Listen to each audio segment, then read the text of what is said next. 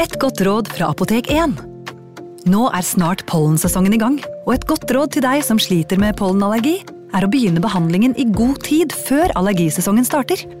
Da får du nemlig enda bedre effekt av legemidlene, og så blir ikke våren din helt ødelagt. Kom innom og få råd på ditt nærmeste Apotek 1, eller chat med oss på apotek1.no. Apotek 1 vår kunnskap, din trygghet.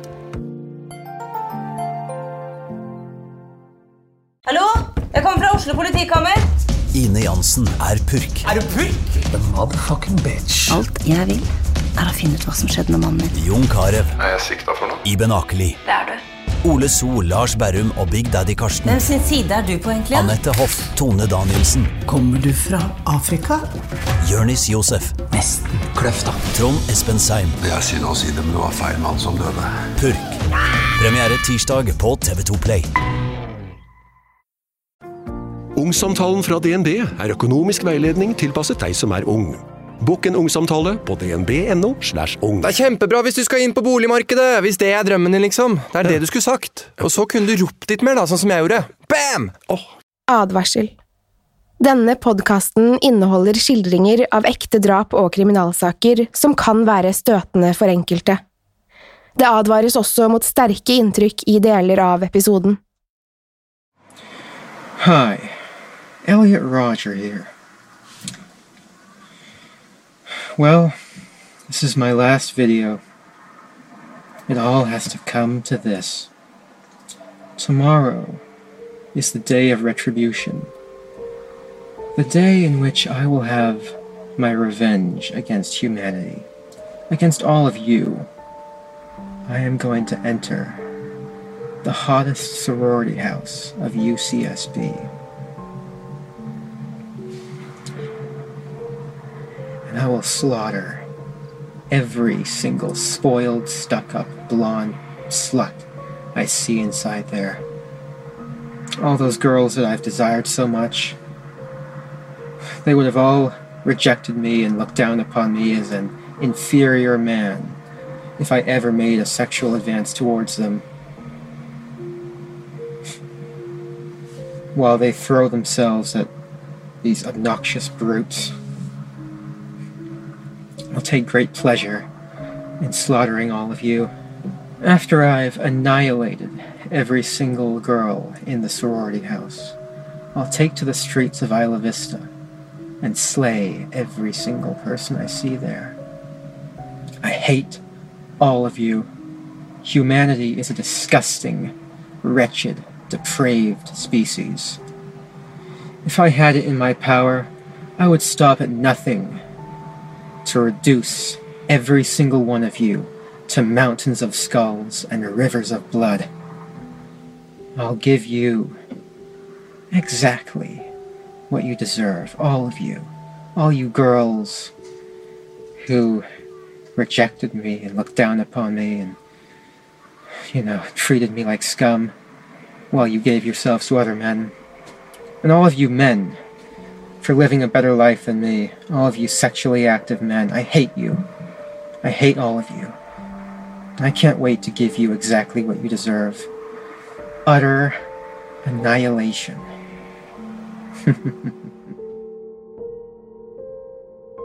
Du hørte her stemmen til 22 år gamle Elliot Roger. Opptaket er fra en video som Elliot selv postet på YouTube i 2014. Noen minutter senere startet han en drapsmassakre som ville kreve syv menneskeliv. Elliot sitter i bilen sin og snakker direkte til kamera.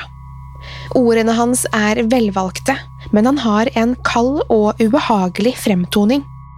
Han presser frem en kunstig latter mens han snakker om sitt hat mot hele menneskeheten.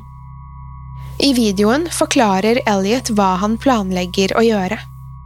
Jeg tar glede i å slakte dere alle, sier han. Han presenterer sitt forskrudde verdenssyn, og forklarer også hvorfor han ønsker sin hevn på menneskeheten.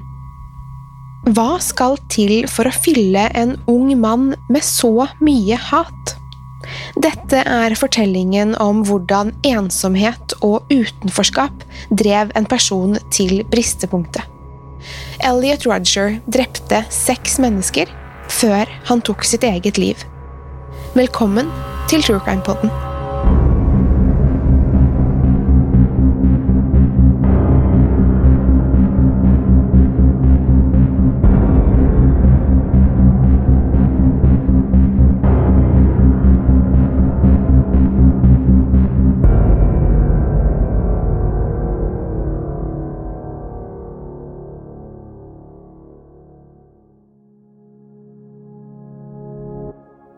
Elliot Roger ble født i London den 24. juli 1991, men tilbrakte mesteparten av oppveksten i Los Angeles.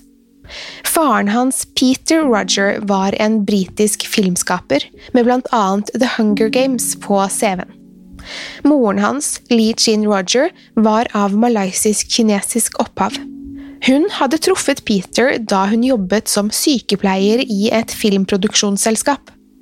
Elliot beskrev selv de første årene av livet sitt som lykkelige, til tross for at han visste at hans unnfangelse hadde vært et uhell.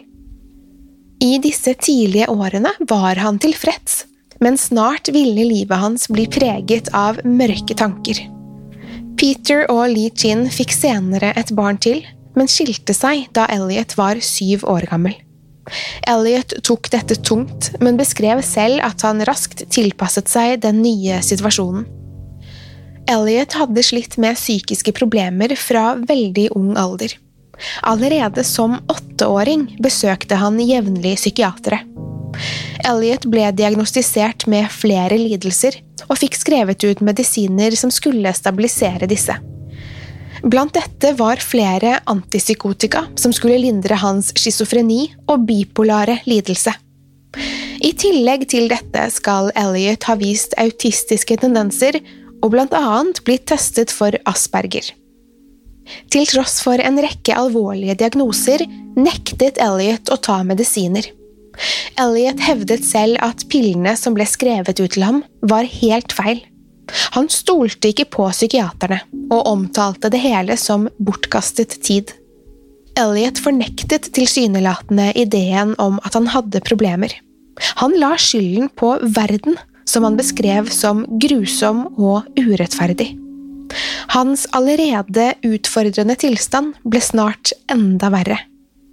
Elliot hadde det tøft på skolen, og han ble konstant plaget av medelevene sine. De beskrev Elliot som en raring, og han ble stadig offer for deres erting og mobbing. Flere virket å forstå at dette kunne ha konsekvenser, og i ettertid har flere beskrevet Elliot som en tikkende bombe. En dag kommer han til å klikke helt, skal en klassekamerat ha sagt om han. Elliot hadde ingen ordentlige sosiale relasjoner, og de få han hadde, kollapset. Hans ene gode venn skal på et tidspunkt ha fått nok av Elliot. Han skal da ha fortalt ham at han ikke lenger ville være vennen hans. Til slutt endte Elliot opp med å trekke seg mer og mer tilbake. Han flyktet inn i en digital verden, og stadig mer av fritiden hans gikk med til dataspill. Elliot var særlig besatt av World of Warcraft og tilbrakte daglig flere timer med dette. Dette var riktignok ikke tilstrekkelig for Elliot, som stadig ble mer ensom og ulykkelig. Hans selvisolasjon og motvilje til å ta imot hjelp gjorde at Elliots tilstand stadig forverret seg. Da han ble 18, skal han også ha gitt opp ideen om å utvikle dypere vennskapelige relasjoner. Følelsen av utenforskap gjorde han stadig mer sint og frustrert.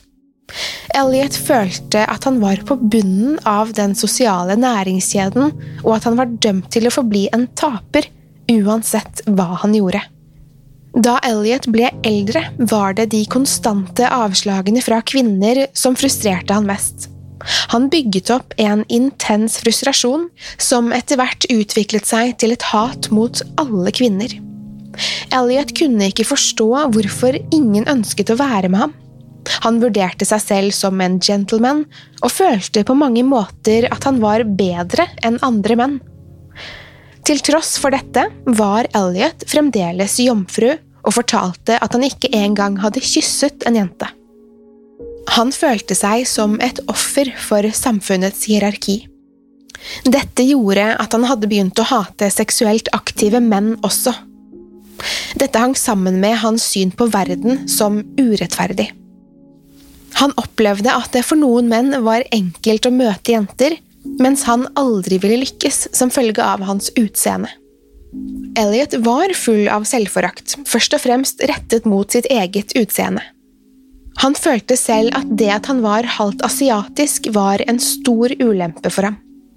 I Elliots verden hadde hvite menn og gutter en klar fordel når det kom til dating. Til tross for hans egen etnisitet uttrykte Elliot her flere rasistiske holdninger.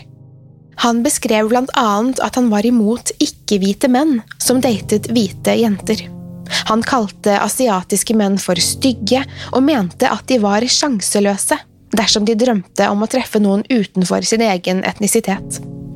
I ulike nettforum postet Elliot stygge, rasistiske kommentarer om andre menn.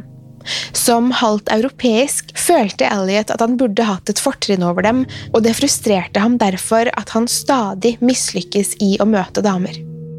Flere steder ble han konfrontert av andre brukere, andre menn, som pekte på at det var hans egne negative holdninger som hindret ham i å tiltrekke seg kvinner. Utad presenterte Elliot en fasade av velstand og suksess. Familien hadde godt med penger, han kjørte en BMW, brukte dyre klær og reiste rundt i verden. Han la ut flere bilder der han forsøker å portrettere livet sitt. Men de mange selfiene og bildene fra fester, reiser og arrangementer ender bare opp med å illustrere ensomheten hans. Foruten Elliot selv er det ingen mennesker på bildene. Han hadde lest seg opp på ulike taktikker for hvordan sjekke opp damer. Elliot selv kunne ikke forstå hvorfor kvinner, til tross for hans mange forsøk, fortsatte å avvise ham. Han lot seg frustrere av at andre menn, som han opplevde som underlegne og dårlig stilt, lykkes med å få seg kjærester.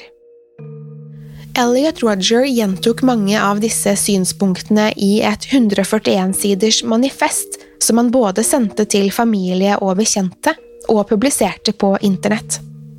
Han ga dette manifestet tittelen Min forvridde verden – fortellingen om Elliot Roger. I denne teksten la han ut om oppveksten sin, familien og de mange frustrasjonene og nedturene han hadde opplevd. Det blir også åpenbart at Elliot bar et dypt hat mot det motsatte kjønn. Han skriver blant annet at han skulle ønske at alle kvinner ble sendt til konsentrasjonsleir hvor de skulle bli sultet i hjel. Han beskriver gleden han ville følt mens han så dem dø på denne måten. Han fantaserer videre om utopien som kunne vokst frem dersom verden var fri for kvinner. I dette manifestet legger han også ut om hans endelige plan for å få hevnen han fantaserte om. Hevnen han snart vil sette til liv.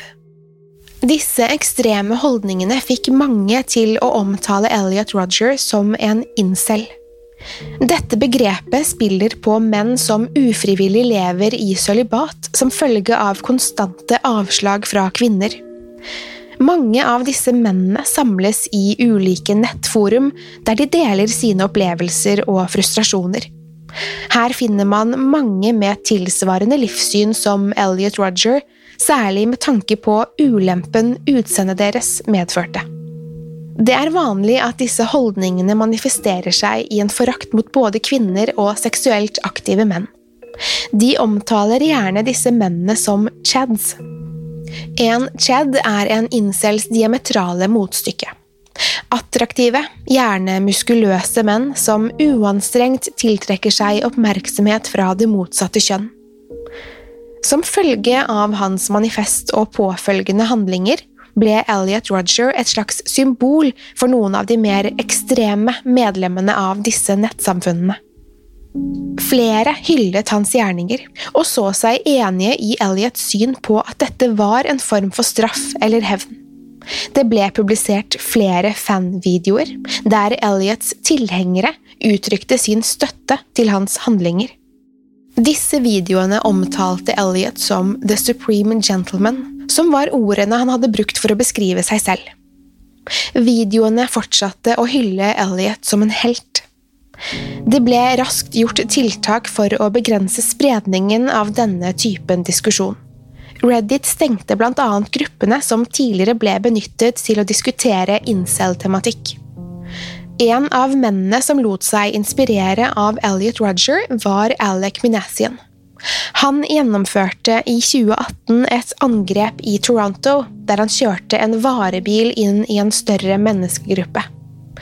Angrepet tok livet av ti mennesker og skadet 16. I forkant av dette postet Manassian en Twitter-melding der han skrev at et incel-opprør var i gang. Han hyller også Elliot Roger i dette innlegget, med tilnavnet The Supreme Gentleman. Det er åpenbart noe hyklersk med disse holdningene. Mange hevder seg over andre menn og beskriver seg, i likhet med Elliot, som snille gentlemen. De kritiserer andre menn som de mener ikke fortjener å oppleve kjærlighet, mens de samtidig kommer med flere kvinnefiendtlige kommentarer. Flere incels ser på kvinner som overfladiske og mener de prioriterer fysiske kvaliteter. Dette til tross for at de fleste selv har høye standarder til kvinners utseende. Medlemmer av miljøet snakker om å ta The Black Pill, en referanse til den røde pillen fra filmen The Matrix. Dette innebærer at de aksepterer sannheten om at de lever i en håpløs situasjon.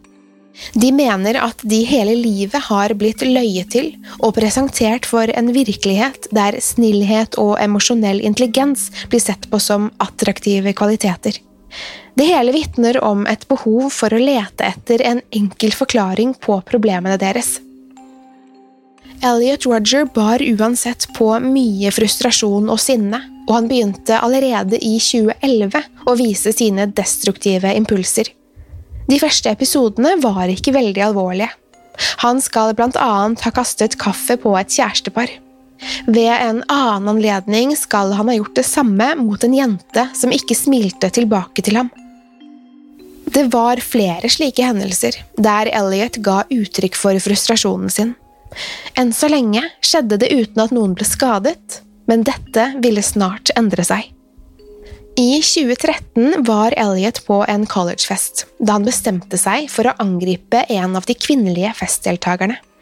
Til tross for hatet han følte mot kvinner, hadde Elliot på forhånd bestemt seg for å gi dating et siste forsøk. Selv beskrev han det som å gi kvinner en siste sjanse til å gi meg den nytelsen jeg fortjener fra dem. På en fest full av vakre ungdommer drakk Elliot seg til mot.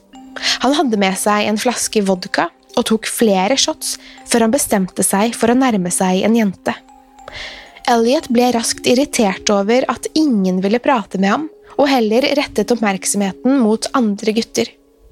Han følte seg patetisk, ensom og ignorert. De festglade ungdommene hygget seg rundt ham, og det fikk sinnet hans til å koke. Han hadde klatret opp på en avsats, og snart fulgte flere av de andre festdeltakerne etter. Det var flere meter ned til bakken, og Elliot forsøkte å dytte de andre ned fra kanten. Han lyktes ikke, og isteden ble han selv overmannet og kastet ned mot bakken. I fallet brakk han ankelen sin.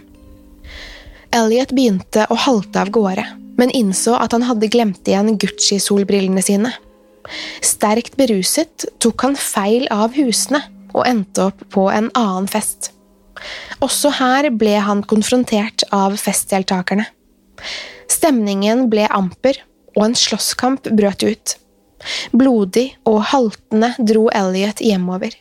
Han følte seg totalt ydmyket.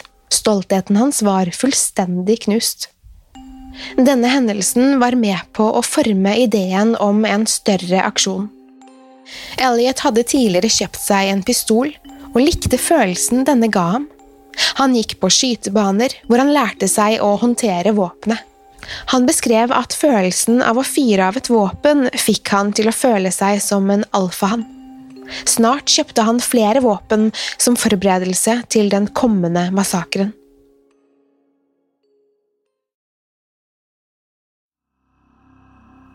Det hele fant sted den 23. mai 2014 i Ila Vista i California. Kvart over ni på kvelden sendte han manifestet sitt til utvalgte mottakere. Han postet også videoen dere hørte et klipp fra, på YouTube. Flere ble bekymret av det de leste i manifestet, og skremte av hva Elliot sa i videoen. En av hans tidligere terapeuter forsto raskt at Elliot planla å gjøre noe drastisk da han leste manifestet. Han tok kontakt med moren til Elliot for å advare henne om dette.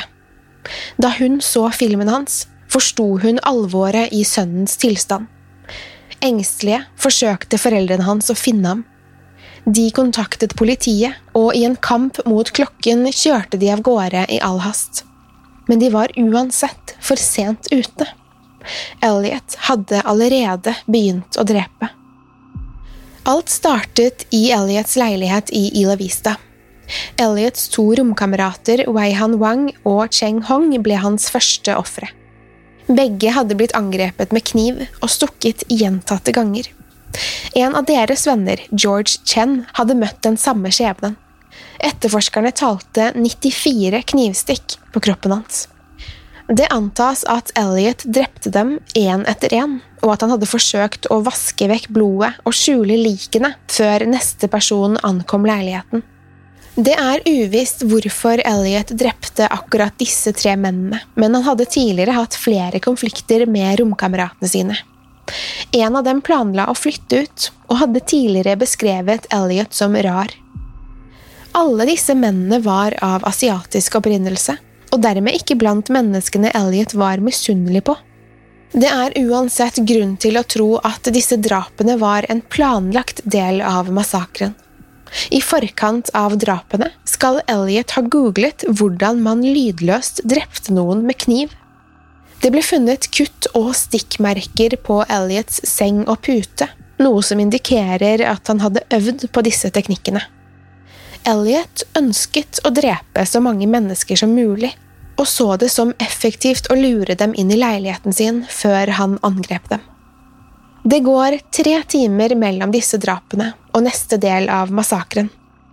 Etter å ha drept romkameratene sine dro Elliot til en Starbucks hvor han kjøpte seg en kaffe. Han ble i dette tidsrommet observert i bilen sin mens han jobbet på en laptop Herfra sender han ut manifestet sitt og laster opp videoen hvor han legger ut om hvorfor han ønsker å hevne seg på menneskeheten. Elliot kjørte videre, til hjemmet til en kvinnelig studentforening.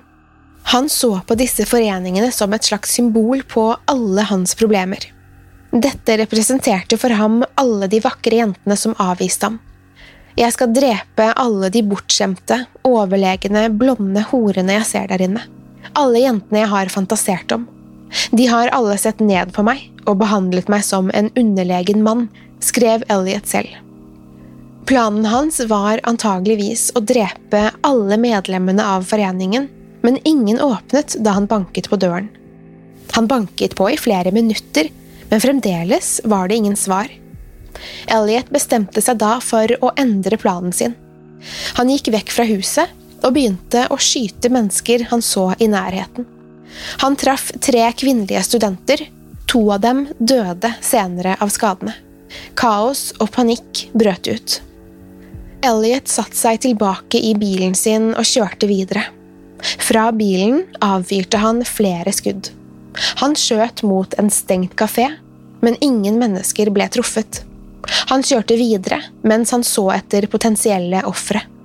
På et tidspunkt forlot han bilen og entret en matbutikk. Her begynte han å skyte rundt seg. Et av skuddene traff en mannlig student som handlet i butikken. Politiet ble oppmerksomme på at skudd hadde blitt avfyrt flere steder, men Elliot var enda ikke identifisert som gjerningsmannen. Han fortsatte denne morderiske rundturen. Ved et fotgjengerfelt kjørte han på en forbipasserende og skjøt mot flere mennesker i nærheten. Han traff to mennesker som forlot en pizzeria, og en kvinnelig syklist, men alle overlevde skadene. Politiet var nå etter ham, og han avfyrte skudd i retning av en patruljebil som fulgte etter ham. Han fortsatte også å forsøke å treffe fotgjengere med bilen sin for å gjøre mest mulig skade. Elliot skjøt ytterligere fem personer og kjørte på fire andre, før han selv ble truffet i hoften av et skudd fra politiet. I flukten skadet han enda en syklist med bilen sin, før han mistet kontroll over bilen og krasjet. Politiet fant Elliot død i bilen sin. Han hadde skutt seg selv i hodet. I løpet av noen få timer hadde Elliot drept seks mennesker og skadet 14. Skytingen varte totalt i ti minutter. I bilen hans fant politiet tre håndvåpen, i tillegg til knivene han hadde drept romkameratene sine med. Elliot hadde tømt seks magasiner, men han hadde tilsynelatende planlagt en enda mer omfattende massakre. I bilen ble det oppdaget flere hundre runder med ubrukt ammunisjon. Alle de seks som ble drept av Elliot, var college-studenter. Fire menn og to kvinner. Alle var mellom 19 og 22 år. De 14 som overlevde angrepet, måtte leve resten av livet med traumene og skadene de ble påført av Elliot. Halvparten av dem var skutt, mens resten påkjørt under Elliots ville flukt. Media plukket raskt opp saken, og det ble et stort fokus på Elliot. Flere nyhetskanaler publiserte videoen hans og henviste til hans omfattende manifest. Dette har i senere tid vist seg kontroversielt, da mange opplevde at dette bidro til å forkynne Elliots budskap. De fleste så på Elliots handlinger som forkastelige og uforståelige, men det var samtidig en liten gruppe mennesker som så han som en slags helgen. Dette var med på å avdekke et underliggende kvinnehat som mange unge menn delte i nettforum. Men Elliot hatet ikke bare kvinner. Han bar på et større hat mot menneskeheten. Manifestet hans åpner med å omtale hele menneskeheten som roten til all hans lidelse. Han beskriver et intenst ønske om å passe inn, men ble stadig avvist og utelatt i sosiale settinger. Det ble raskt et fokus på Elliots bakgrunn og hans psykiske lidelser. Mange pekte på faresignalene, som kanskje burde ha vært plukket opp tidligere. Elliot hadde lenge publisert videoer som skildret hans utenforskap og negative verdenssyn. Disse hadde riktignok aldri avslørt de fulle omstendighetene av Elliots tankesett. Det ble også kritisert hvor enkelt det var for Elliot å på lovlig vis skaffe våpen han benyttet i angrepene. Behovet for strengere regulasjoner ble igjen et hett tema. Tragisk nok er Elliot Roger langt fra unik i denne sammenhengen i USA.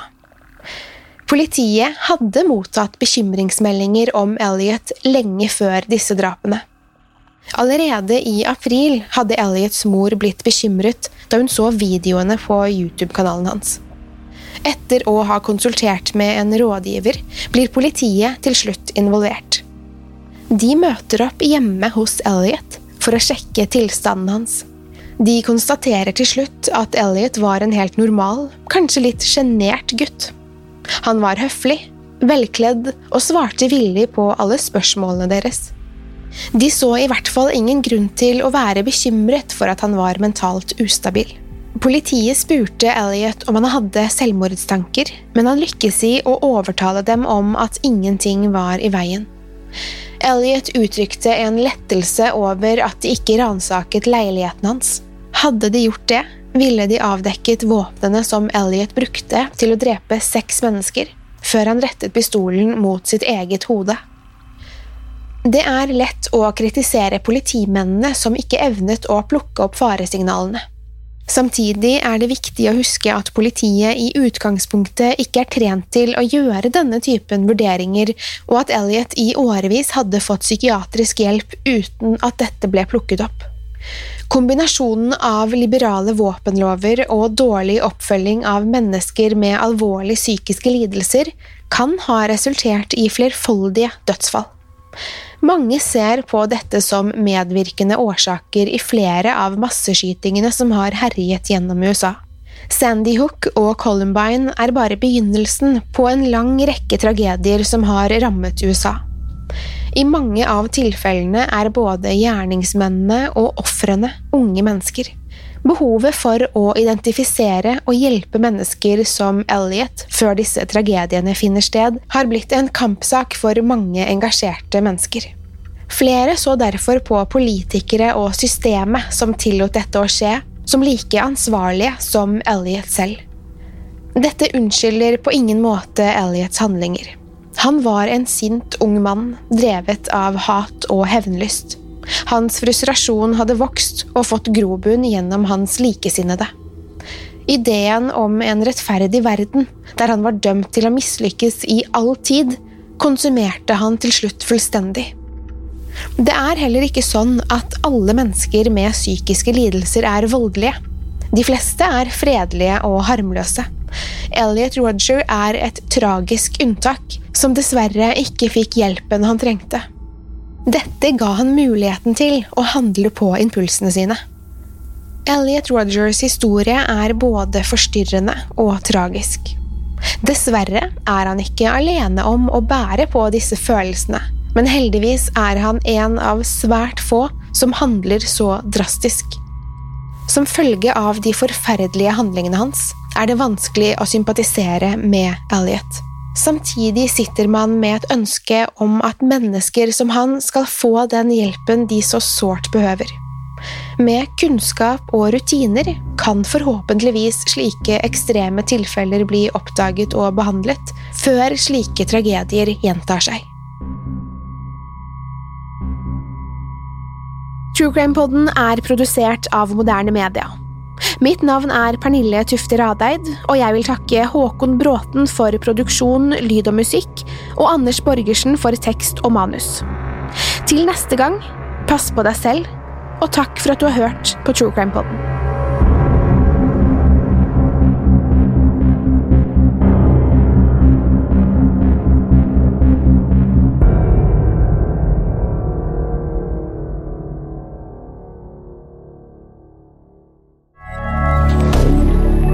Moderne media.